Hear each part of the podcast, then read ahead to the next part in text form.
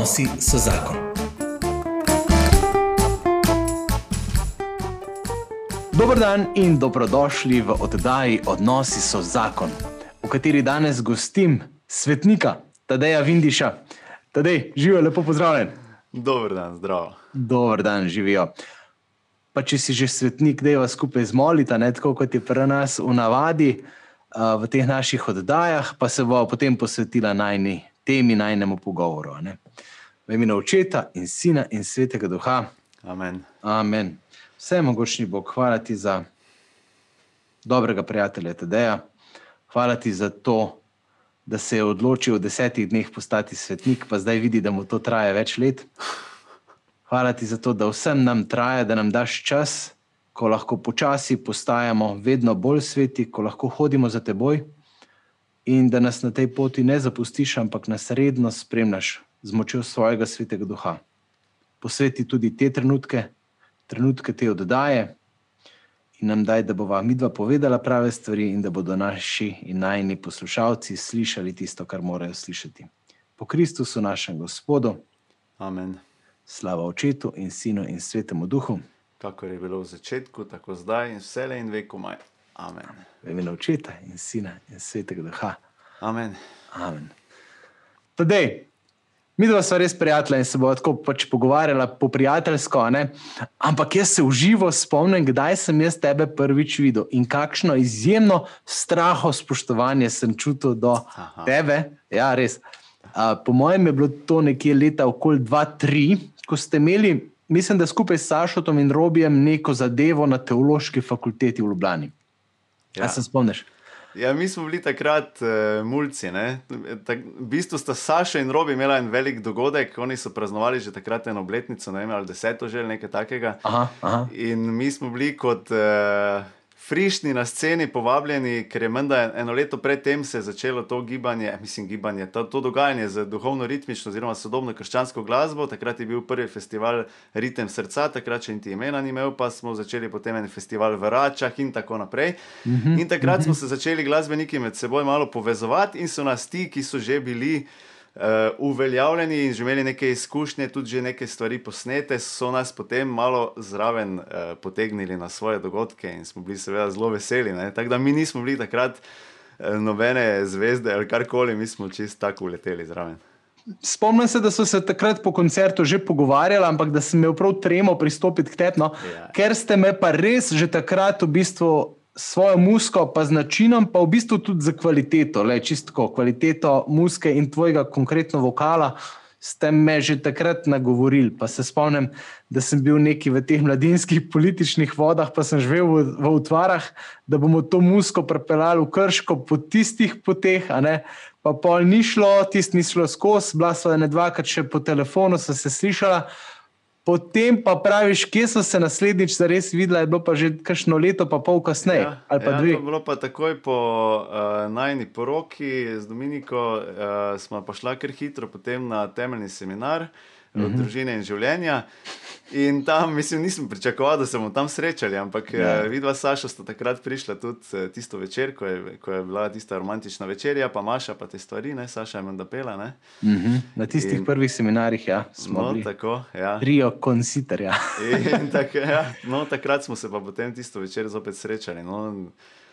Potem pa se mi zdi, da vedno pogosteje, ne? Ja, ja. Sveti. Ja, ja. Res so spletla eno tako prav prijateljsko vez, pa pol kasneje tudi družinsko, pa preko svetopisanskega maratona ne, smo imeli velika stvar, je bil koncert na Prešercu takrat, ne leta, mislim, da 2009. pa tako. Ampak deva, ne, da ne bomo zdaj kot dva stara čičota tle, uh, naj nas spomine iz davne preteklosti obuja. Ja, ja. Uh, vendarle, pejva v to, kar bi rada sporočala. In ti, mislim, dejstvo je, da smo se začutila kot brata na duhovni ravni. No? In da kot narekovaj človeka, ki ima ta res rada Jezusa.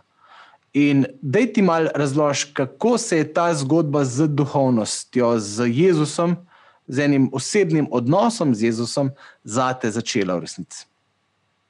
Ja, najprej bi se samo navezal še na to, kar si, uh, kar si zdaj omenil, no, začutiti se kot brata. ne. Uh -huh. Uh, se mi zdi, da je res ena tako dragocena stvar uh, med, med nami, da niti ne rabimo vedeti vseh svojih uh, podrobnosti, svoje zgodovine, ali pa kako ti vsak dan zjutraj vstaneš, pa kaj vse narediš, kaj si oblečeš, ali karkoli, veš, ali pa tvoje, tvoje rodbine nazaj, ali karkoli. Uh -huh. Ampak se res na tej ravni, ne, na ravni vere, se res začutimo kot bratje in smo včasih tudi, če se, če se nismo dost, dost dolgo slišali ali pa videli, ne, se nismo čutili tol, toliko daleč. Ja. In to je res ena taka fascinantna stvar ne, in je dragoceno. No. Ja, uh, ena stvar je, glede tega, uh, tudi uh, res ni namen, da, da bomo zdaj neke lovorike kazali, kaj, kaj je bilo vse v zgodovini, kje smo se srečali in kaj smo ja. organizirali. Ne? Ampak res je bistveno to, da skozi vse to, kar se je dogajalo, no, da, da vidimo in da povemo, kaj, kaj je Bog delal s, uh, skozi vse te dogodke. In že predtem, ker če, če ne bi bilo enega bistvenega božjega posega v moje življenje, uh, mm. in posledično tudi mojega odgovora, potem se mi da ne bi imela danes kaj pogovarjati. Ne? Točno tako. In uh, zanimivo pa če eno, recimo, če povem čisto od začetka, na kratko, uh, izhajam načeloma iz krščanske družine. Ampak kasneje, ko sem o tem premišljal nazaj, sem se dostakrat spraševal, ali smo mi uh, bili krščanska družina, ki smo zgolj hodili v cerkev, ali smo hodili za Jezusom. Ne? In ne bi zdaj tega razpredal.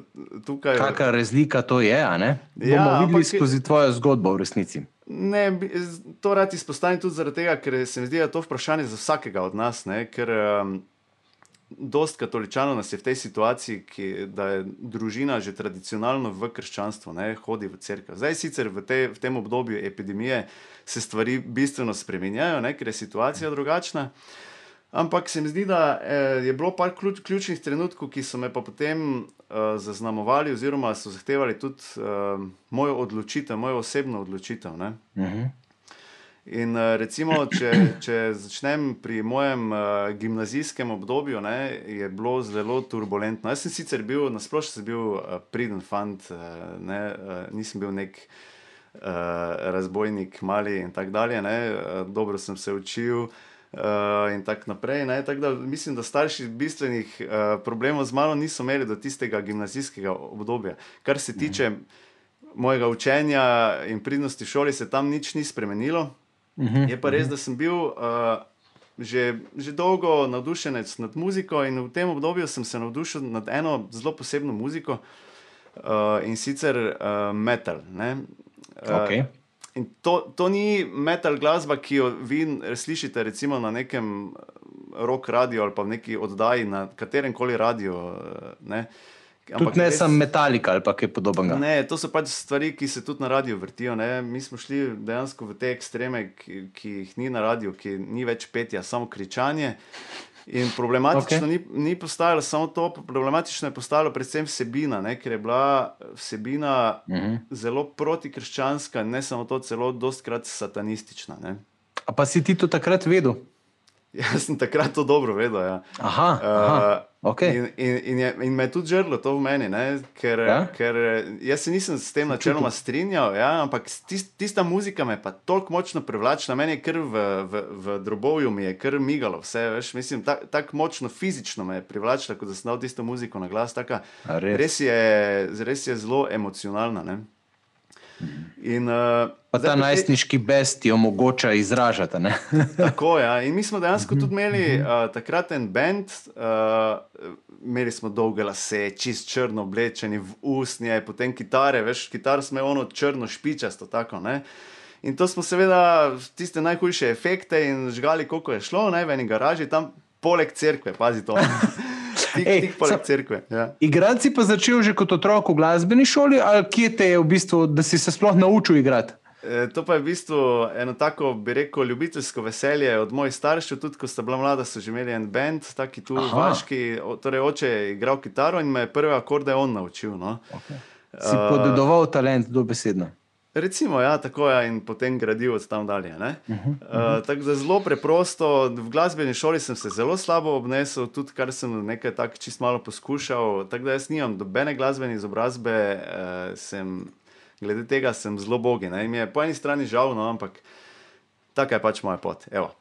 Po drugi strani si pa mogoče malo bolj svoboden v tem izrazu, ne? ker vemo, da Verjetno. profesionalni glasbeniki pa res večkrat eh, so nekako odlični v tem svojem delu, ne? ampak pač, ko pride pa kaj Ja. prostora ali pa časa, No, ne jaz bo imam- valim. Okay. Jaz imam pa na drugi strani primankljaje. ne. Tako, tako, ja. Uh, skratka, uh, mi smo imeli takrat tudi ta bend, in, in, in uh, v bistvu tak, pri nas niso bila problematična, satanistična uh, uh, besedila, ker tok pa sem bil pameten, ne? mislim, Aha. nis, nisem v to šel noter. ne, Mislim, Ampak si me je prav begalo. pisal že svojo avtorsko glasbo. Takrat, Ja, ne? ja, ampak so bila pa bolj taka, veš, kako bi rekel, poganska. Ne? Dosti je bilo na to staro slovansko mitologijo, recimo ne, naše korenine, zelo, zelo me to zanimalo. Ne? Tudi sem se učil tisto venetico, recimo to pisavo, ki bi jo naj naši predniki veneti in tako dalje. ne. Tudi mi je, sem bil zelo ponosen na svoj priimek, ne Vindiš, ker to po nemško pomeni slovenski. Ne? Točno, ja. in, in, in take zadeve. Ne. Na tem sem zelo gradil, ne, kako naj rečem. Hkrati pa uh, sem zelo gradil na enem takem melanholičnem, uh, težaškem uh, veš, razpoloženju, karakterju. Ne. Ampak to me je v resnici začelo razjedati. Ne. To je bil kot moj imič, ne. v resnici pa dejansko nisem bil srečen v tem. Ne. Um, zdaj, tu bi eno stvar sicer rad izpostavil. Ne? Uh, muzika kot taka, zdaj kot celota, zapakirana z vsebino, vredno je problematična. Ne? Drugače pa jaz ne obsojam samega žanra glasbenega. Ne? Um, res je, da, da že sama oblika glasbe sporoča eno ali pa drugo, se pravi, lahko bolj agresivna ali pa manj agresivna ali pa bolj nežna. Ne? Ampak še vedno mislim, da glasba je zgolj orodje, ki ga lahko ti porabiš za tak namen ali pa za drug namen. Tako kot nož, lahko ga uporabiš, da si narežeš klobaso ali pa namažeš maslo na kruh, ne? Ali pa tudi nekaj porežeš. Ne? Se pravi, hraniš. hočeš, da ne bi diživi starši zdaj kar avtomatsko razumeli, da če imajo mulca metalca, da je to kar satanistično. To, to hočeš Ni, upozoriti. avtomatsko ni. Ne? In, uh, dan danes tudi v vseh žanrih glasbe najdeš tudi krščanske alternative. Ne? Mhm. V mojem času takrat ni bilo, takrat ni bilo ne YouTuba, ne teh vseh uh, streaming servisov ali karkoli. Ne? Mi smo takrat mhm. fizično CD-je ali pa po katalogih naročali iz Skandinavije ali pa iz Nemčije. Ne? Mhm. Torej, to so bili res drugi časi takrat. Ne? To je zdaj v, v bi rekel, 20 letih en velik preskok. Ne? Ja. Eh, Kasneje sem potem zvedel, proti koncu tega mojega metalskega obdobja, sem spoznal en uh, krščanski, avstralski krščanski death metal band ne, in to je bila revolucija za mene. Ne. Wow. Ampak pazi, ok. To, Pol smo se ti- ja, Pol se ti je pa nekaj zgodilo. Ne? to, to ne. Ni, ni bilo to, da sem jaz ta bend spoznal, ne. Mhm. Ampak dejansko sem jaz v, v tistem mojem iskanju in bluzenju, v moji melanholiji, sem na enem izmed uh, večernih sobotnih uh, mladinskih srečanj naenkrat drugače videl eno punco, ki sem jo že videl od malega. Veš, mislim, ker smo tam skupaj bili v župniji, starši so bili v bistvu prijatelji, tudi smo si kdaj tako družinsko šli na obisk in tako. ne. Ampak veš, ono, ko nek klik. Ko nekoga naenkrat vidiš drugače, ne? in ko punco, fant vidi malo drugače, kako bi rekel z drugimi besedami, kot da se zaljubi, ne? mu pade v oči, kakorkoli. Ne? Ampak, okay. In to si Pazi zaljubil v bivšo punco. ja, bivšo punco, ki je danes moja žena. Bravo. Uh, zanimivo je predvsem to, no, zakaj o tem govorim. Tega, ker, ker ona je bila čist kontra meni. ne. Evo, jaz sem opisal, kakšen sem bil jaz, ne, ampak ona je bila pa skautinja. Ne. Zdaj, jaz sem pripričan, da med gledalci, poslušalci je tudi kar nekaj skautov, ne. Mm. ker vedno jih je že med našimi sodelavci, so skauti. Mm.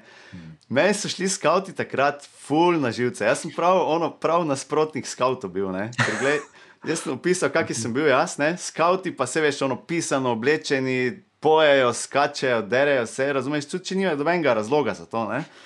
In okay. to je meni šlo blazno na živce. Ne? Nasprotno pa se jaz, sem jaz bil čuden njej, ne? ker, ker je bila pa pač taka vesela. Pa to, ne? in, in, in je bilo prav fascinantno, razumeš, da, da je ona meni padla v oči, ne? mi je postala všeč, ne? sem si želel njene družbe. In tudi ona je pristala na moje povabilo, da je šla z mano na sprehod in se potem začela spoznavati z mano. Ne? Ker je bilo, zdaj, če prevrtim nazaj, je bilo fascinantno, ne? ker nismo imeli enih skupnih točk, čist tako razumsko, človeško, ne? nekih skupnih stvari. Ne? Kot Koliko sta bila približno stara takrat? 17, pa 15, ali 17, pa 16, nekaj takega, oba mladoletna. Ne? Ja. Mhm. Isto, kot mi, da staš. Zelo zgodaj. Ja. Ja, ja. Ja, in ja, zdaj, zdaj si me spomnil ne, na, na, na tvoj en tisti nagovor. Oziroma, ne, je, je problematično na nek način ne, v tako zgodnih letih začeti resno ne, Mhm. in, in, in v bistvu uh, obdržati čistost, in, in se dovolj zgodaj tudi odločiti za poroko. Ne. Mhm. In, in smo tudi mi imeli to težavo takrat. Ne. Še posebej zaradi tega, ker takrat dejansko nismo bili poučeni o teh zadevah. Ja. Eh, V naši župniji še posebej je bilo drugačno stanje z prejšnjim župnikom. Bi rekel, ene stvari so bile malo bolj relativizirane, ne da bi zdaj karkoli obsojal, ampak so bile dobre stvari, ampak glede tega, recimo, smo imeli ene drugačne norme. Ne? Ampak, Aha, se pravi, v župnijskem življenju si pa tudi ti tudi v tem metalskem obdobju vse čas sodeloval nekako Sem, aktivno. hvala Bogu, Aha. no, glej, me, okay. me je vleklo, no. Bog uh -huh. me je vse čas vlekel in klical. No, uh -huh. no in uh, ko smo videli, v bistvu z Dominikom se začela spoznavati in uh, začela potem hoditi kot fant in punca po nekaj uh, mesecih, ne, uh -huh. ker me ta, ta punca, moja nekdanja punca, ni pusla kar tako blizu. Ne, uh, ni, ni kar pusla, da bi, da bi jo poljubil na, eh, na prvem sprehodu ne, ali na drugem mm -hmm. sprehodu, ne, mm -hmm. ker meni je ono, o, kaj pa zdaj to, veš. Ne, in, ampak svi hvaležni, veš, kak. Jaz nisem bil z nikomer, se nisem prej o tem pogovarjal. Ne, Mhm. In, uh, in mi je bilo ono šok, najprej, ne, da, mi, da me ni spustila blizu, ne. po drugi strani sem pa naenkrat začutil pa res tako vrednost v njej, ki sem videl, ok, ta punca hoče resno. Ne. Mhm. Veš, ta punca ni samo, da se vam dva kušnila, pa, pa gremo dalje, pa ne vemo, kaj bo jutri. Ne? Mhm. Mhm. In, eh, in dejansko je bilo res, ne. Mislim, se to ne pomeni, da je bila ravna pot. Pot je bila vjugasta skozi, skozi vso to obdobje. Ne. Ampak dejansko s, um, s tem, ko smo videli začela to skupno pot, uh, bi res poudaril, da smo, da smo res. Že kot taki mulci, ne, sicer vsi si mislimo takrat, da smo pametni, pa da ne vem, kaj že vemo, ne, ampak uh, dejansko smo si pričevalci drug drugemu. No. In uh, ona takrat ni mene, ni, ne spomni se besede, ne, da bi me spremenjati htela, ali da bi jo motila, da sem jaz usnjeno jakno ali vojaško ali dolge lasje ali karkoli. Ne. Ampak jaz sem dejansko začel videti eh, drugačen, drugačen način življenja, um, se čuditi nekim stvarem, veš lepoti življenja in vse to. Ne. Uh, in sem začel se dejansko spremenjati, videti stvari, k čemu me je Bog že prej vabil, ne? pa zaradi tiste moje fokusiranosti na tisto temo v tisti eh, temni glasbi, nisem bil zmožen videti dejansko. Ne? Mhm. In, uh, in tukaj je bil čas res za, za, mo, za moj odziv, ne? ali to sprejmem in odgovorim na to, Mhm. ali ne. Se pravi, ta pot z Dominiko, ko sta začela hoditi, se ti je potem v bistvu zraven pridružila tudi pot vere, ker je ona to tako močno živela, kako je točno to bilo. Pa ja, mislim, niso stvari tako črno-bele. Veš, pot vere, pot vere je bila že skozi vse čas, ne, ampak. eh, Ja, ja, za- mislim, ja, nekih osebno barier. doživeto, no, tako bom rekel, Tako, osebne ja, vere, no, ja, seveda, ja. ja, oprosti. Imaš prav. Ja, Tudi to, da si imel podlago v župnijskem življenju, je bistveno pripomoglo, tako, da ne ja, bova ja. Preveč sem na to šla. Ja, imaš prav. Ja, in na drugi strani tudi, um, pa ne da bi zdaj, uh, uh, bi rekel, um, želel, želel narediti manj vredno to, kar je Dominika takrat živela, ampak uh, ni, ni bilo, da bi ona pa bila tako pobožna, ali veš, neko tako imela versko ali duhovno prakso ali karkoli. ne. Uh, ena stvar pa je mogoče, ne, ki, eh, ki pa je zopet polagam kot pričevanje na uh, vsem, ki poslušajo, še posebej staršem, ne, uh -huh. molitev za svoje otroke in za njihove partnerje. Uh -huh. Namreč moja tašča ne, je že odnegdaj molila za, svo, za svojih črki, ne, da bi si dobre može dobila. Ne. Uh -huh. in, in molitev je bila uslišana, ne? vidiš? Absolutno ne. Boljš ne bi mogli biti, vsaj kar se tebe tiče, za Davida ne vem, ampak ja. kdo- Tudi tam. Ja. No, no, super. Malo šala, ampak še, ja. Dejansko res ne. Res ja. uh, molitev za svoje otroke in za njihove, eh, njihove zakonce. Ali pa njihovo pač v bistvu posvečeno življenje, kakorkoli. ne. Uh -huh. Uh, gre za to, no, da, da v tisti točki no, so se v meni začele, ko sem začel se tudi čuditi nekim stvarem in jih drugače videti v življenju. No. Sem se začel spraševati tudi glede moje glasbene poti, ne, ker konec koncev jaz sem imel v tistem času, tudi če nisem bil več navdušen tako zelo nad tisto muziko, še vedno sem imel bend. Moji mm -hmm. prijatelji so vsi bili metalci, Znaš, to je bil moj krok. Mm -hmm. uh, in tu je bilo treba nekaj narediti s tem. Ne? In sem zelo malo videl, da so ti, za tisto skupino ljudi in na tak način ne morem iti več naprej. Mm -hmm. Ker se ni dalo ne s takim stilom muzike, ne z drugačno vsebino. Ne? Jaz sem pa videl, da, da je bil, se je ena taka sprememba v mojem življenju zgodila, pa ne samo to, da sem, da sem imel zdaj punco, ne? ampak Ampak v meni so se začele, v bistvu, se, kot da je ena svetloba posvetila v mene, ne, na katero sem mogel odgovoriti. In, ne, in to sem želel tudi dati naprej. Ne. A je bil Veš, kak specifičen trenutek, ali se ti je to postopno dogajalo? Ne, veš, tega se res ne spomnim v tistem obdobju, da bi bil specifičen trenutek. Bolj sem to kasneje potem reflektiral nazaj, videl. Uh -huh. uh -huh. um, in, in takrat sem potem so za, za nastale, takrat v leta 2000, te, pa 2001, te prve pesmi uh, Zbudi se, Jezus. Uh, recimo, te so pesmi, ki, ki tudi na tistem prvem albumu, jih uh, čist na koncu najdeš. Recimo, smo čist kitara, bas, pa vokale samo so posnete. So bili čist Aha. prvi posnetki na RTV, tukaj v Mariboru. Recimo, wow. um, V bistvu, v bistvu je bil en tak velik switch, ne, če, če gledaš iz tiste met, metalskega kričanja, Ja. Bogu hvala, da mi je Bog ohranil glas, mm -hmm. veš, ali pa ga obnovil, kakorkoli, ne? skozi vse tisto. Uh, v, potem v eno tako, dosti bolj lahkotno, v bistvu svetlo glasbo, ki vabi v življenje, ž, ampak ne samo v življenje in veselje, ampak tudi dejansko življenje v odnosu z Bogom. Ne? Ker to so prve pesmi, so že govorile o tem, kaj Jezus meni pomeni in spodbujale poslušalce. Ljubiti Boga, ljubiti bližnjega. Mhm. To, to pomeni, prve, prve zapovedi, mislim, največja zapoved, ne, uh eh, -huh. ki, jo beremo, ki jo je dal Jezus, oziroma že Bog Mojzesu. Uh -huh. Tako da mi je to res nekaj nevrjetnega, ko nazaj pogledam. Ne, uh, bi lahko rekel, en, en, tak, en tak switch, en tak, ena taka sprememba, ki, s katero bi se komod osramotil. Ne. Med svojo bivšo sceno. Ne? Tako ja, vse verjetno ja, ja, ja. vse, ampak takrat res mi je bilo malo mara, kako bi rekel. No, mislim, vedel sem, da je to prava pot. No. Uh -huh. A ste se že takrat poimenovali kot svetnik, pa odkot ideja za to ime?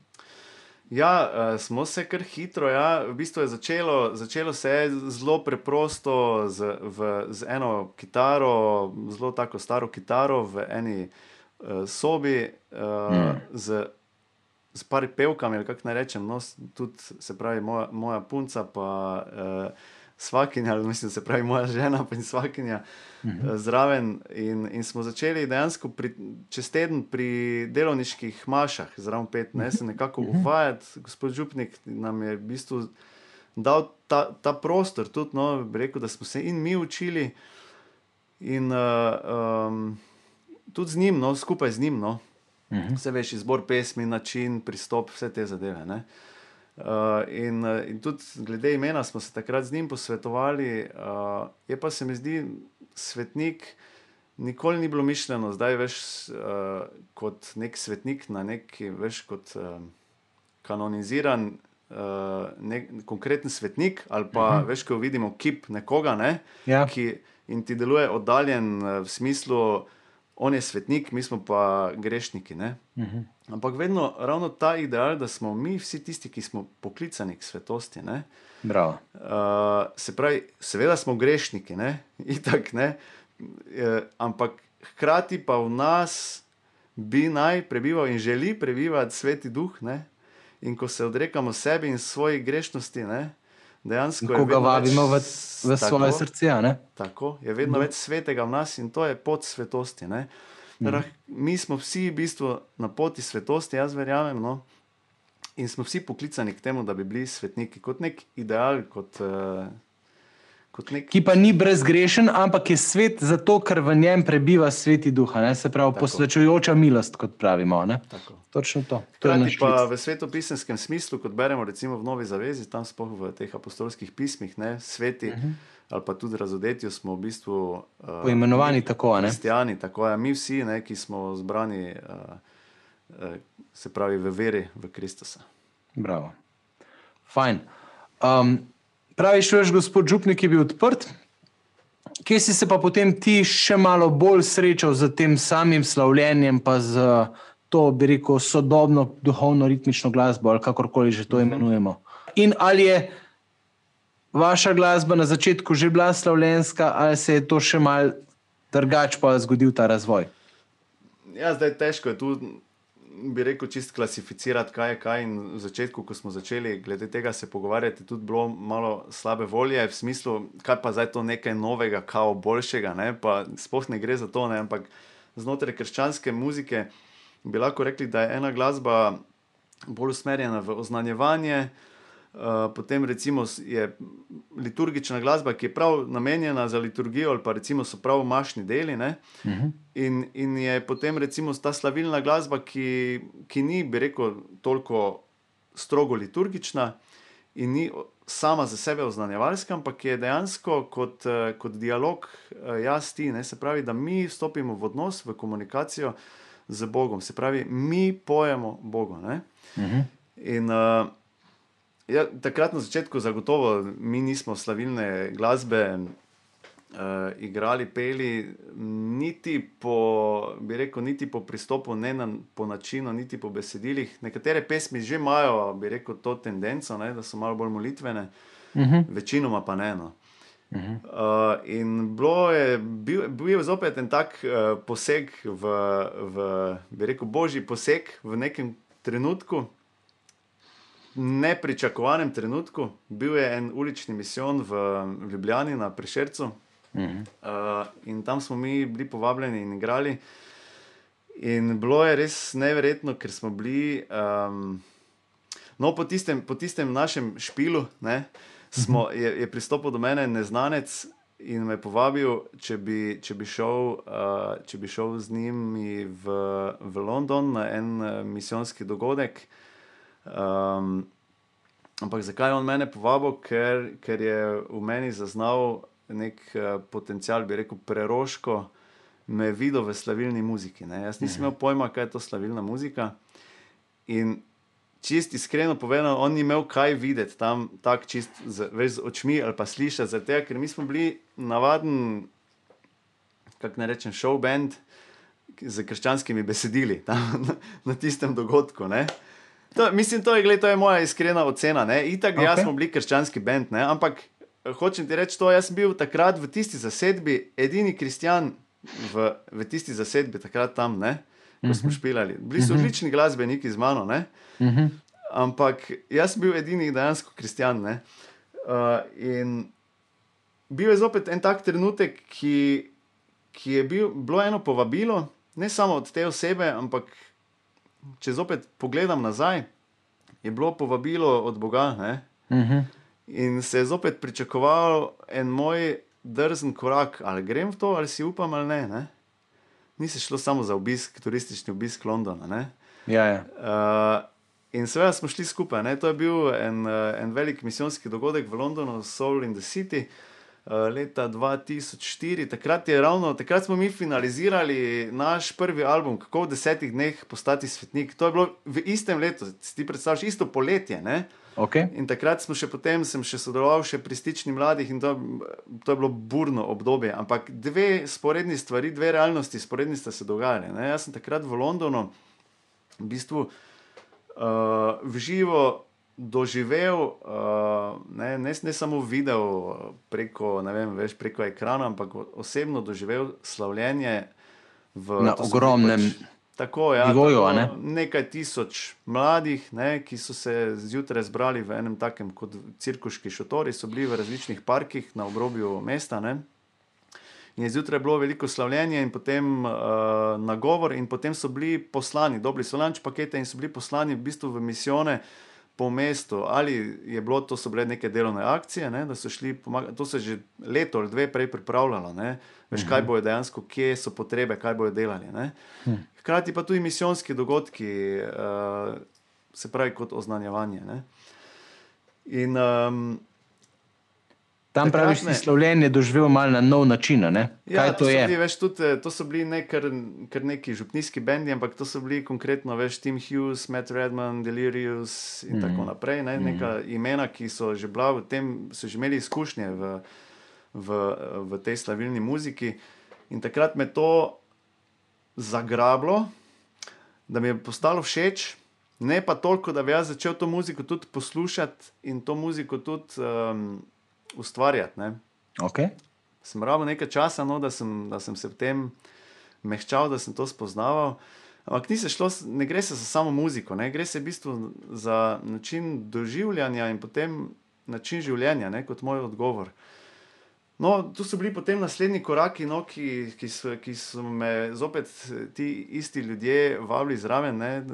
To niso skriti ljudje, to so v bistvu, če čist navežem vse, kaj se je nadaljevalo, ta naveza. Ste postali prijatelji, ne? Z, Tako ja. z Mitjem in Tomažem. Ne, en, ena ta trojica, ki je potem ene par projektov, mislim pa kup drugih ljudi, ne, ampak bi rekel, mi trije smo se kot trojica obdržali skozi vso to obdobje. Ne. Prepih, ne? kamp z misijonom. Tako ne? je, prepih, Ja. ja. potujoči misijon je bila prvotna ideja. Ne, uh -huh. uh, in, in potem so bili ti kampi z misijonom za, za mlade, ne, in potem še razni dogodki, slavljeni po Sloveniji. In naposled, recimo zdaj v tem obdobju, pa ti večeri plus, ne, zdaj v sodelovanju z katoliško mladino, recimo zopet v, v tej navezi.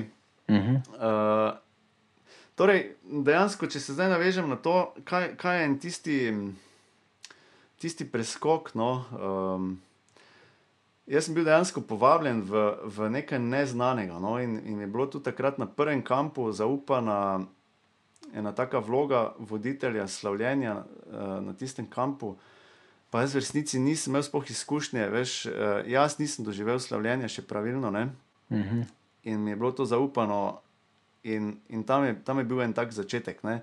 Tam pa je potem to, kar si ti uh, vprašal prej, ne, če, če en konkreten trenutek. Ne. Tam eno večer pred najsvetejšim, tam pa bil dobeseden klic. Ne. Uh, v zadnji klopi sem sedel ne, v tišini. In tam pa sem bil dobesedno povabljen in, uh, in poslan, ne, uh, da naj v tej smeri delam, oziroma da je to moje poslanstvo. No, kakorkoli ne vem zdaj dobesedno o tem, ker je to med mano in njim.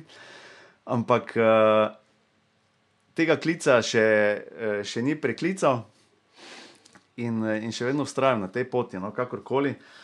Um, in v prvi vrsti je to pot uh, mojega slavljenja, mojega odnosa z Gospodom. Ne? Mm. In ko se sprašujem, ali so te pesmi, ki mi jih daje, namenjene tudi še komu drugemu, ne, ne samo meni, nama. Ne? Še posebej, ko se je šlo za kakšne, recimo, malo bolj osebne, v, recimo v času preizkušnje in tako naprej. ne.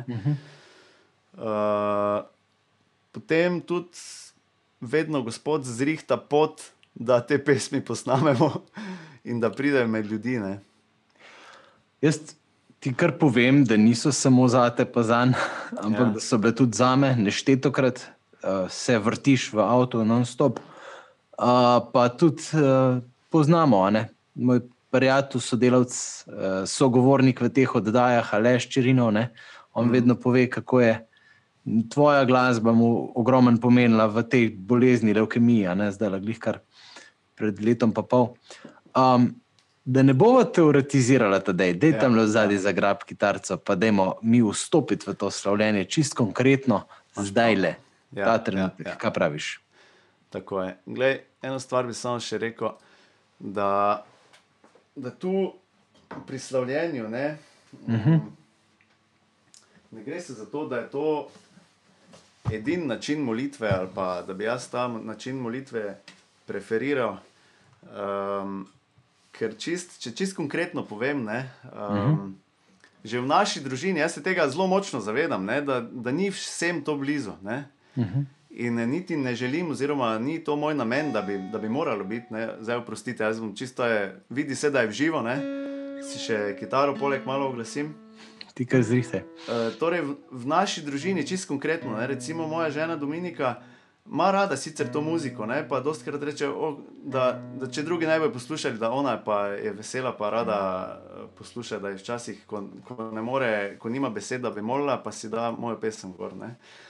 Ampak, glej, ona, ko sliši tri četrt pesmi, niti cele pesmi, ne rabi ima dovolj, ne, ne rabi več, ne. Recimo, uh, ta starejši sine, on ima rad čist druge zvrsti muzike, ne? ni šanse, da bi slavilno muziko poslušal. Ne? Vse lahko, da se še v to Je, spremenilo. mogoče ne. še bo. Ja. Tako je. Nekateri imajo ražni, ra, raje, recimo, rožni venec, ne? Gle, grejo tam na globlje. Ne? Mhm. Nekateri imajo ra, raje, ne vem, gregorijanski koral, kakorkoli. Ne? Mhm. Torej, nekako vidim pa, da, mm, da je to en tak izraz za, za današnje generacije, ki je čist iz prakse vidim, da, da ljudje preko tega, s pomočjo tega, vstopajo v odnos z Bogom. No? In to je se mi cilj zdi- in to je namen. Tako, ja. Ja, Ker, ne, ja. ker ne gre se za to, da ali bomo mi slavili, ampak kaj bomo slavili. Ne? In, in en tak fokus, ne? če mi se odločimo, da zdaj smo pa vzeli čas za molitev in za slavljenje nam pomaga se naravnati v, v vsakdanu ali pa recimo v, v tem tednu. Nam pomaga, mi in potem tudi iz tega črpamo. Seveda, mi prenesemo svoje življenje v, v ta trenutek molitve in slavljenja. Ne? Ampak tudi potem iz tega, kar zdaj doživimo, tu koncentrirano z Bogom, nesemo tudi v konkretno življenje ne? in tam živimo to slavljenje, ne? Hmm. ta odnos z Bogom. Ne? In evo, da gremo tole, Super. Tole pesem smo napisala z našim Tomažem, Tomaž Kete, zdaj je župnik Most na Soči. Hmm. On je dostkrat, uh, on je taka poetična duša, precej. In se je dostkrat zgodilo, da mi je kako idejo poslal za kako pesem, in sem jaz zelo hitro dobil potem navdih, da sem, da sem jo dejansko še nadaljeval in zaključil en tako pesem, ki smo jo potem posneli. In ena taka je tvoj, v tvojem imenu. V bistvu govori o vrednosti in pomenu gospodovega imena. In vas res vabim, vsakič, ko zdaj le to zapojemo, izrečemo ime Jezus, je že to naša molitev. Ker ime Jezus pomeni Gospod rešuje.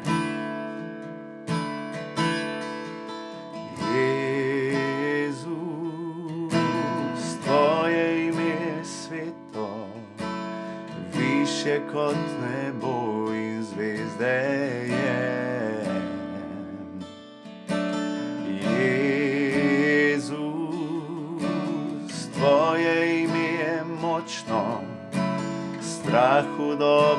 Hudobnih je duhov.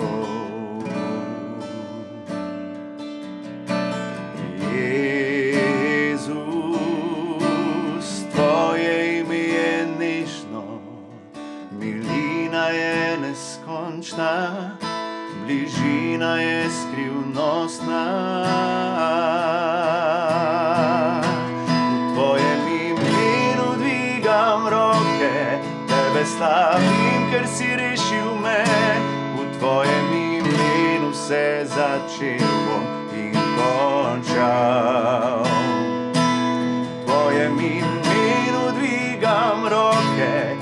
Tebe slavim, ker si ti moj Bog. V tvojem imenu se bom delal, dokler mi bilo bo srce.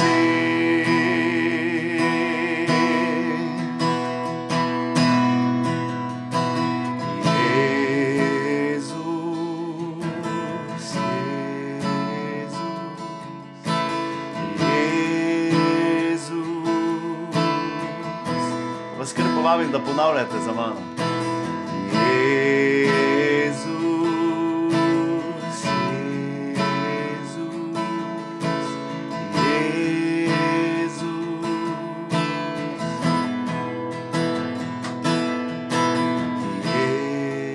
Jezus, tvoje ime je večno, straja, ko kraljestva minejo.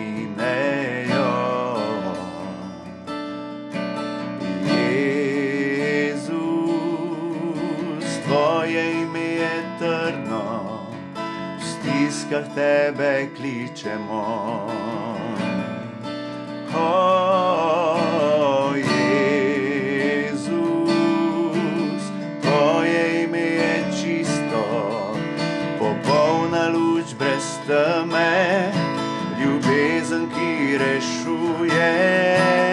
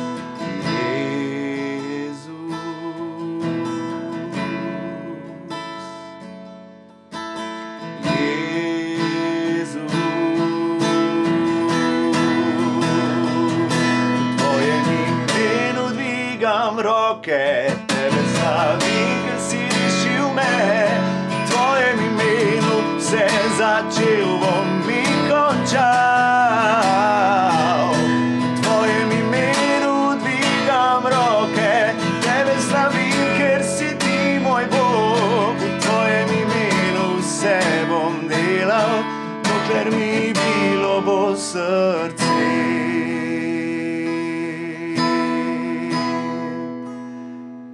Ker sem tvoj.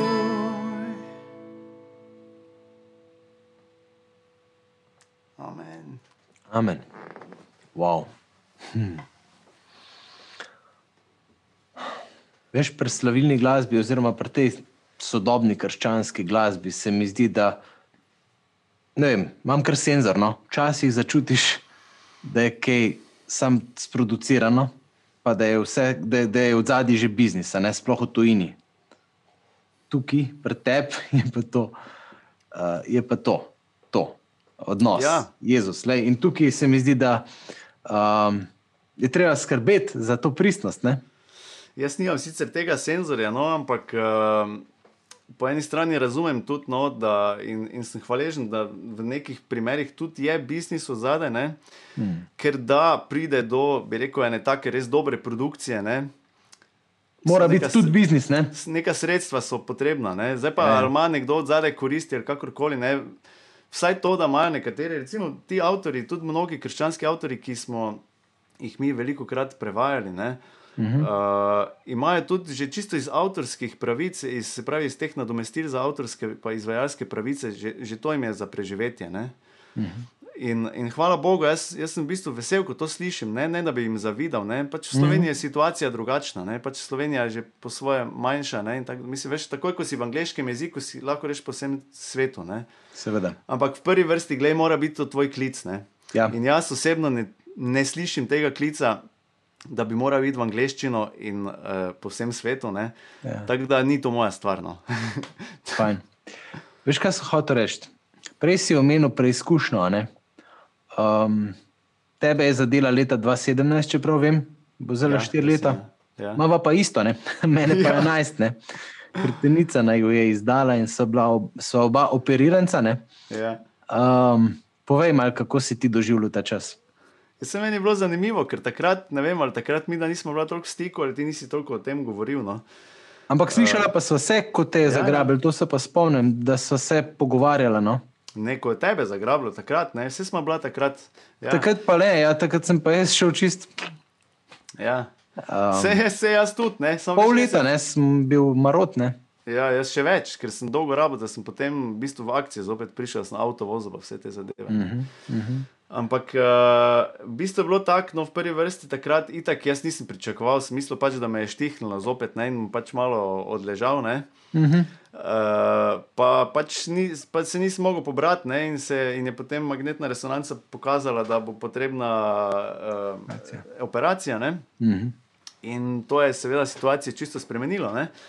Uh, zaradi tega, ker ko prije pa do tega, da ti bo pa nekdo gor odprl, pa tam noter pri živcih štoral, ne, pa prije tudi vprašanje o tem, ne, čakaj malo, ne, zdaj kaj pa če on tam se malo zmoti, pa ne, pa razumeš, mm -hmm. pa jaz ne vem več hodo in itd. Ne, mislim, mm -hmm. za njih, ne, za te neurokirurge je to pač rutinska operacija, oni tam cel, cel dopoledne, cel dan to delajo eno za drugim, recimo, ne. Mm. Za mene ni bilo, ne, ko sem o tem razmišljal. Mm. Zato, pa, če sem mogel takrat malo roke zatresati. Ja, pa, pa, ne, pa ne zaradi tega, ker bi bil slab, ne, ampak ker, ker v resnici je. ne moremo zaupati samo v človeka, ne, ker je tudi božja stvaritev ne, in to je mm. v božjih rokah. In jaz sem v božjih rokah in sem se takrat dejansko začel tako težko vprašanje spraševati, veš, je bil duhovni boj. Kaj pa, če Bog hoče od mene, da jaz pač ne bom hodil, da bom jaz pač veš, na posteli ali kakorkoli. Ne, In, in tam je bila ena velika preizkušnja v meni, da sem jaz dejansko pripravljen iti za Jezusom. Ne? Oziroma, veš to, ko pač eh, pojem in molim, ne? Mm. kam me boš pač poslal ne? in način, kot me boš poslal. Ne? Ali ja, res ne? ok, dokler imam jaz fajn kitaro, pa avto, pa gremo špilati okoli, pa to ne. Pa vse ni enostavno, ne? vse je težko, vse to usklejevati, pa naporno, pa tako dalje. Ne? In kupi mm -hmm. zivo. Ampak to ja, ne, to sem pripravljen. Ne. Je pa zdaj, če bi Bog od mene želel, da, jaz, da pa jaz obležim, ne, ali pa, pa neke take stvari, ne, sem, sem še vedno pripravljen, Gospod, sprejeti tvojo voljo ne, mm. in, ti, in ti slediti in te slaviti v tem. Ja. In tu pa je en tak močen duhovni boj bil v meni, ne, da so res solze tekle in so nastajale pesmi. In so nastajale pesmi tega duhovnega boja, in so nastajale pesmi kot molitev za ozdravljenje, ena, recimo, čist konkretno, tista ozdravi me, uh, uh -huh. konkretno v bolnici. In je res ena taka pesem, ki, ki je zelo osebna, pa hkrati zato, ker je zelo osebna in tako konkretna, eh, sem zelo dost eh, odzival, oziroma pričevanj konkretnih dobil od ljudi nazaj, niti nisem pričakoval tega. No, eh, od ljudi, ki jim je pomagala. V, v, podobni, v podobni situaciji ne, in, in postane to tudi njihova molitev. Ne, in to je namen te glasbe. Ne, ne samo, da, da, jaz, uh, da jaz pokažem, kaj, kaj sem napisal, ampak da, da ponudim na razpolago, da postane molitev. Ne zgolj kot posnetek, ampak da postane molitev, da stopajo ljudje v odnos z Bogom s pomočjo te glasbe. Hmm. In sem zelo hvaležen. No, mislim, da večino stvari teh itak ne vidimo. Ne? Ker Bog dela na skrivnem in hvala Bogu, da dela. Ne? Pa tudi, če bi še več tega videli, mogoče bi še bolj prevzetni postali. Ne? To je zopet ne, naš ego, moj, moj ego je, je, je. je na preizkušnji. Uh mhm. -huh. Ampak hvala Bogu, na res aleluja. No, in, in sem vesel, no, da, da še naprej Gospod daje. Eh, vedno pa daje v nekih takih, uh, bi rekel, Ni, nikoli ni lahko, veš, ni tak, takoj pot, ne veš, zdaj dobiš idejo za pesem, pa da bi imel takoj ekipo, pa finance za to spraviti v life, ne, pa tudi čas, ne veš, pa ideje, pa vse to veš. Mhm. In tu je pri vsaki posamezni pesmi je, je tak, vidim, da je kar naporna pot priti do nekega cilja, no. Ampak vedno znova, potem, ko nazaj pogledam, vidim, da je vredno. No. Super. Uh, na tej poti pa je vedno tudi, uh, bi rekel, težava usklajevanja s familijo? Ne? To je bilo moje naslednje vprašanje. Glede na to, da govorijo o oddaji, odnosi so zakon. Ja. Kako zakon so kaj tvoji odnosi? Ne? Ker recimo odnos z Bogom, pa slaviti tako. Praviš, ni čisto enostavno, je preizkušnja v zadnji in vse to. Ampak, če me vprašaš, to je še zmerlušno. Ja. to je tako. Um, A veš, to je tvoje, mislim, tu greš na vznoter in doživljaš stvar. Ja. Treba, pa imaš pa tri, tri otročke, uh mhm. -huh. pa ženo, pa del, pa vse to. Pač, um, kako to res usklajuješ, kakšna je vaša družinska dinamika zdaj? Maj si prej povedal o začetkih vajne skupne poti, kako se pa to zdaj razvija, ali pa sploh pred korono si imel verjetno veliko večernih nastopov dogodkov po Sloveniji, kako je kaj Dominika to doživljala, pa tako malo. Ja, veš, kaj je bilo prej, je bilo dejansko fizično po Sloveniji, ne? zdaj pa je večerni zoom dogodki ali pa neki taki posneti dogodki po Sloveniji. Ne? Mhm. Je pač malo na drugačen način, ne? ampak se včasih tudi zgodi, da je, da je tudi zdaj, ne? kljub temu, da ostanem doma, je pa večer za večerom so pa neki zoom dogodki. Ne? Tako da kljub, kljub temu so izzivi. Ne? Mhm. Uh, glej, ne vem, jaz mislim, da je to, to je življenjski izziv. Ne? To ni stvar, ki bi, uh, ki bi jo preprosto rekel, ok, zdaj pa imamo to. Ne? Uh, vedno znova, ne? ker se situacija spremenja in predvsem zato, ker, ker vedno znova pridejo neke nepredvidene uh, situacije vmes. Ne? Veš, uh, Zdaj, kakorkoli, veš, ali vzameš čist fizično, ali pa tudi dosti krat napadi hudega, takrat zato, ker ko mi delamo za Božje kraljestvo ne, in ja. seveda slavljenju se ta črni upira, koliko gre. Ne. In, in, in je težko, ne, ampak hkrati pa v tistem se zavedam, ok, delamo pravo stvar. Ne. Mhm. Uh, in se zgodi, da ne vem, veš, pride, ne vem, pa zboli nekdo, pa tako dalje. Ne? In, ti, in tisto je še posebej težko, ne? recimo, spoh pustiti. Potem, mislim, grem, bi rekel, slabim občutkom od doma, ne sem moral iti, ne dosti krat. Um, ne, znam, ne znam ti glede tega povedati, ne? recimo to, kaki, s- kako zakon so moji odnosi, to bi moral v bistvu Dominik vprašati. ne. Uh, Okay. Na splošno moram reči, no, mislim, da, da uh, pa ne vem, se zdaj heca tisto, ona je poročena, ne, jaz sem poročena, ona pa srečna, kaj, ampak dejansko jaz, sem- jaz sem srečen v zakonu. Ne. To ne pomeni, da, da je vedno vse super in gladko. Ne. Mhm. Lahko se iz dneva v dan stvari spremenijo, ker so pač odvisni tudi uh, od osebnega razpoloženja, doživljanja. Ne. Ampak v osnovi um, je tu en, ena naša baza. No, veš, um, tudi glede, kaj naj rečem, te eh, poti hoje za Jezusom, smo skupaj v tem, veš, nis, nisem sam na tej poti. Mhm. Tu smo si, uh, tu smo si en drugemu res močna opora. No?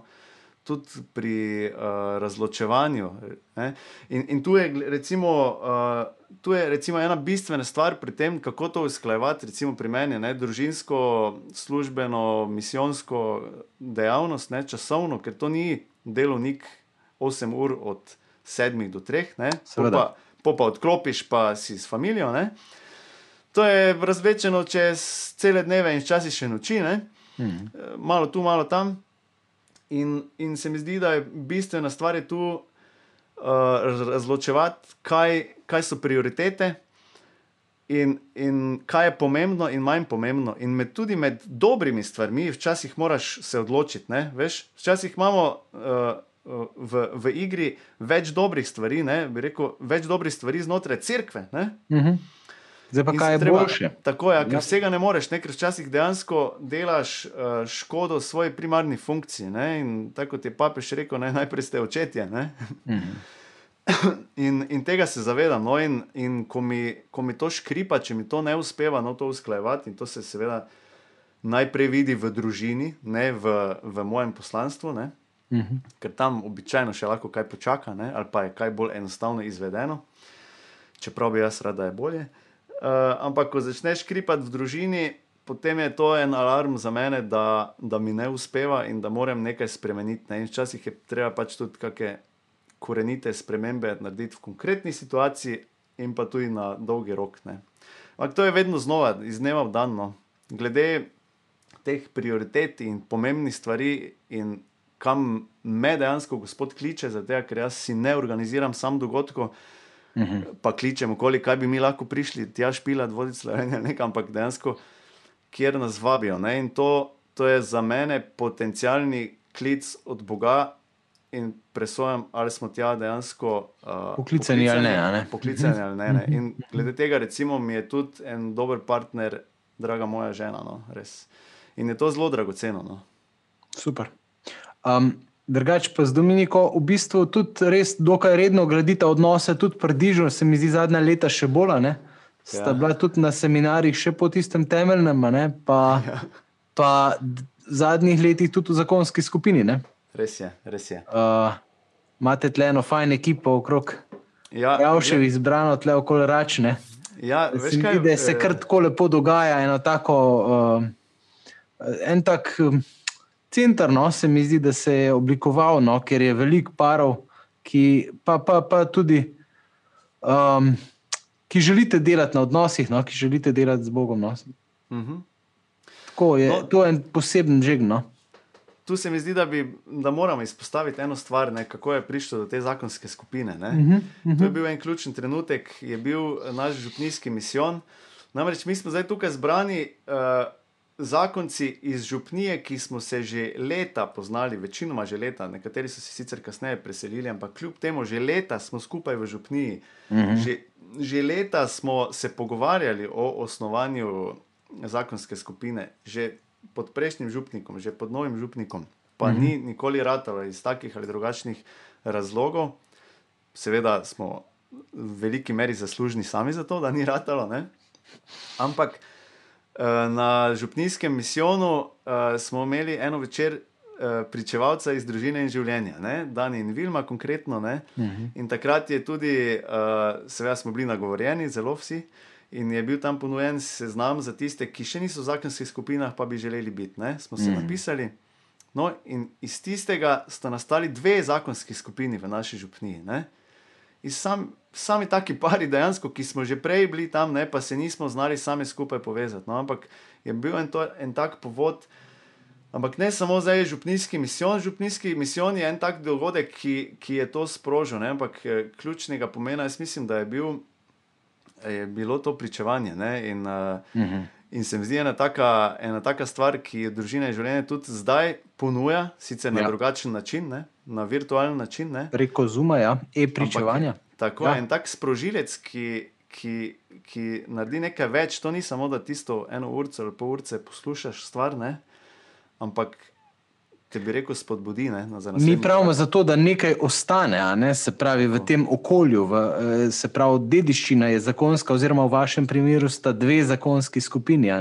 Tako, Tako da, ja, lej, hvala za to istočnico, čisto konkretno povabilo. Če kdo od vas zdaj le ne, želi organizirati pričevanje, imamo ponudbo. Več kot 20 eh, parov pričevalcev, ki so pripravljeni sedeti na razpolago, povedati svojo zgodbo preko Zuma, se pridružiti v kakršni koli sredini, ki jo zorganizirate.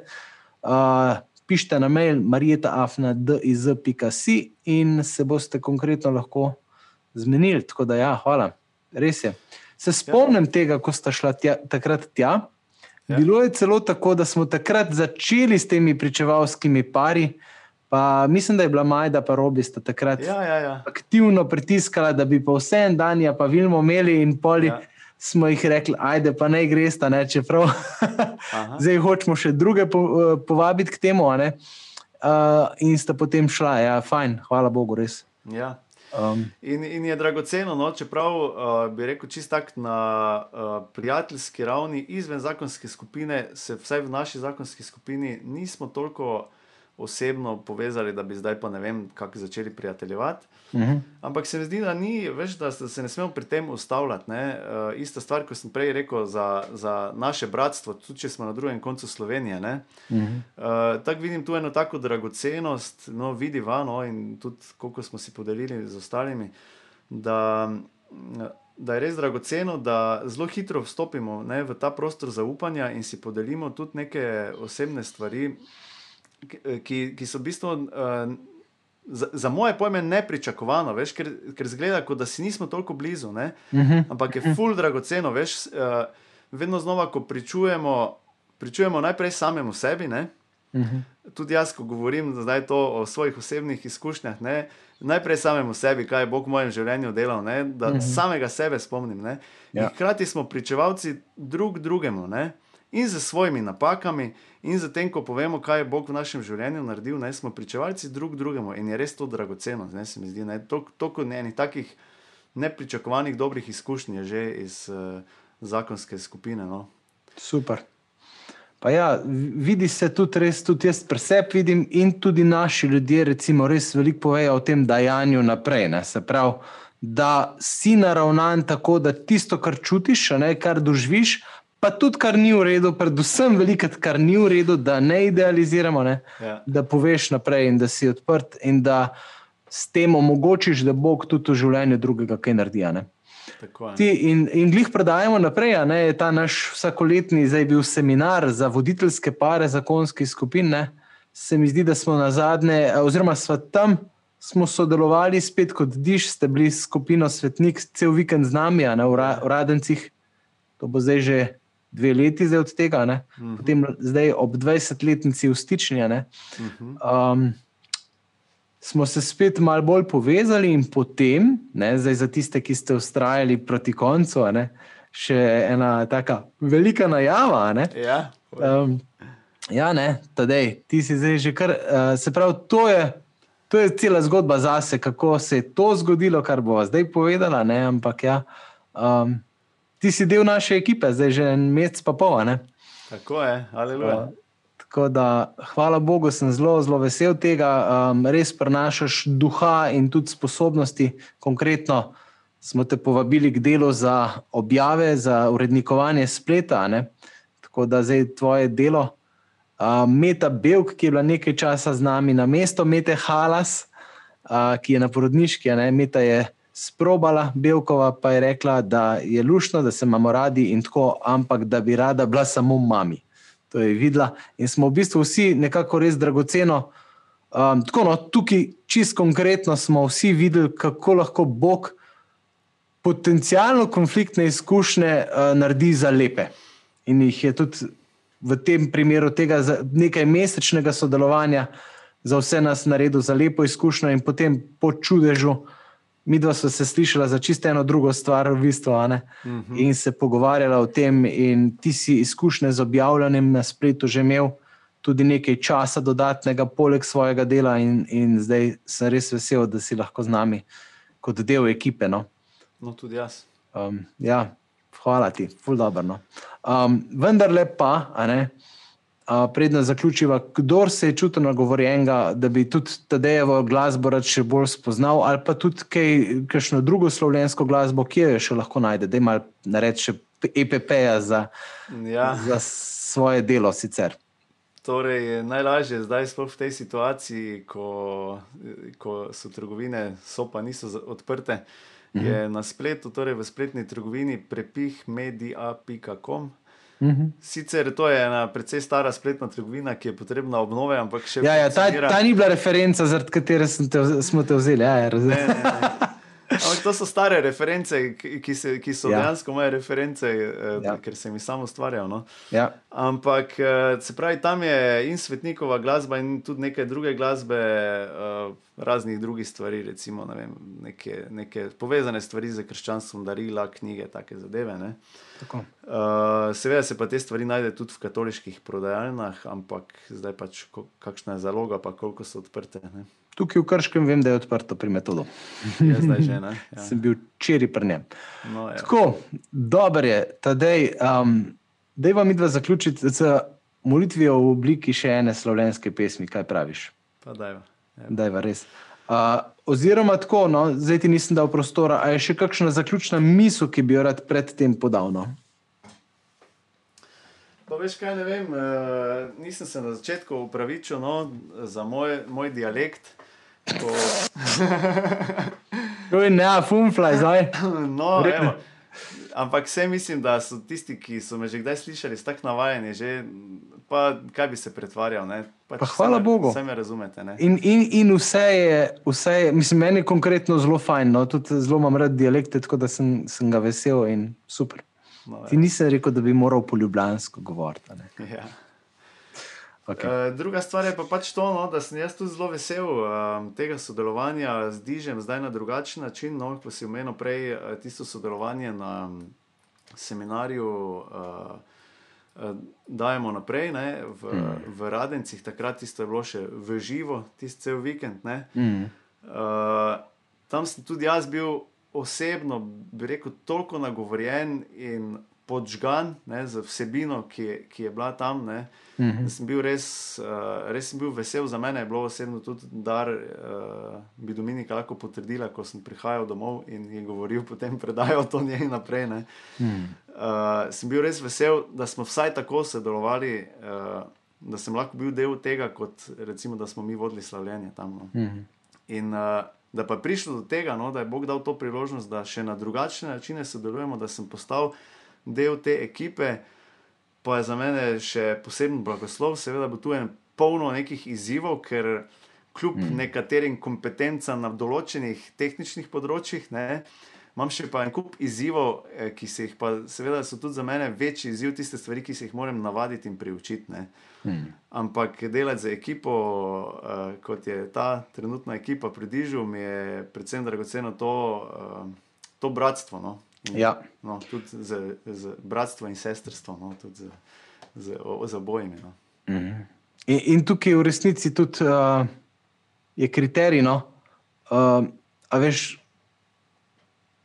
poiskali smo človeka, ki, ki ima kaj dajati naprej na tem področju, in tudi dejansko tudi nam že prispevaš in daješ. Tako da hvala, le. super.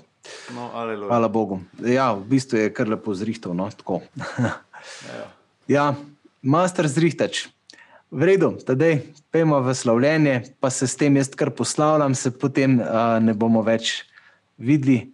Spremljajte te oddaje še naprej, naročite se na Dižo YouTube kanal uh, in se vidimo prihodnič. Blagoslova, živijo. Hvala, tedaj, ker si bil moj gost.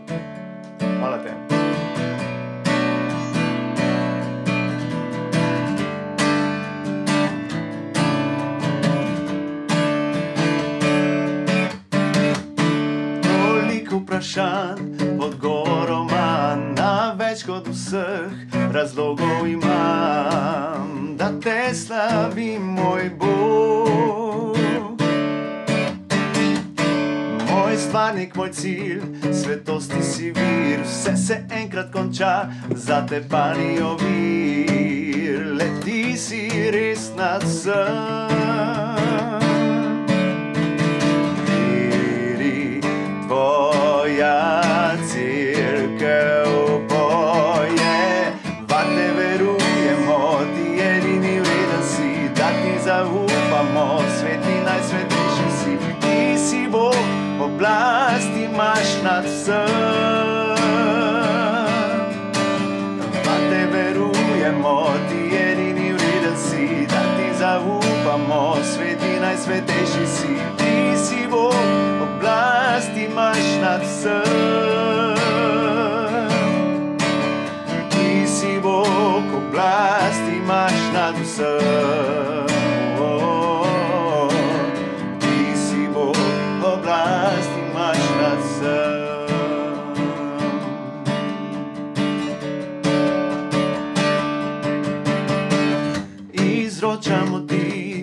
Veselje skrbi, sprejmi jih dobri Bog, dar od tvojih otrok, ki tebe molimo.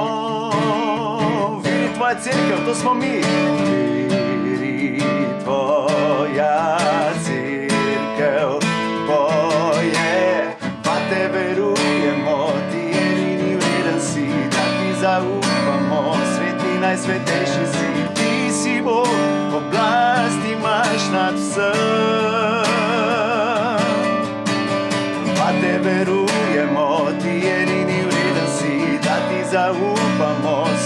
najsvetejši si, ti si Bog, oblast imaš nad vsem. O, ti si Bog, oblast imaš nad vsem.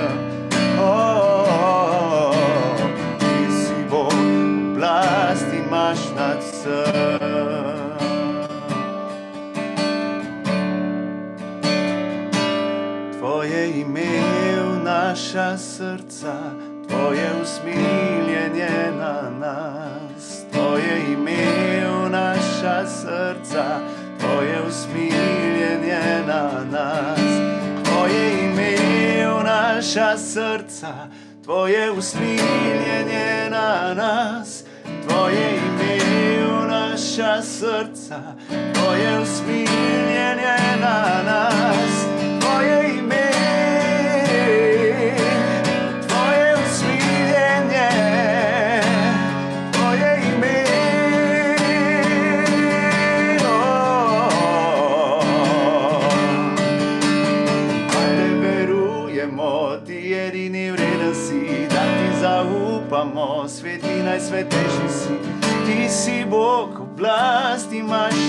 Vsem. Pa te verujemo, pa te verujemo, ti edini vreden si, da ti zaupamo, sveti najsvetejši si, ti si Bog, oblasti imaš nad vsem. O, ti si Bog, oblasti imaš nad vsem.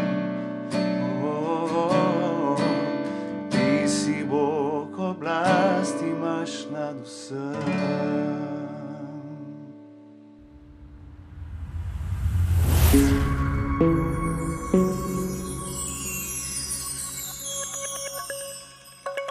Ej, Čakaj, vidiš, zdaj, Samo da povem, ne, svetnik, oprosti, daj nogle. kaj zdaj imaš? Ja, vsi smo svetniki, ne? vsi smo sveti. A to je zdaj, Ne- ne mi to zdaj gre ti še v oddajo, to reževa ven ali to ostane not? Ja, vse da ostane not, kaj pa. Okay.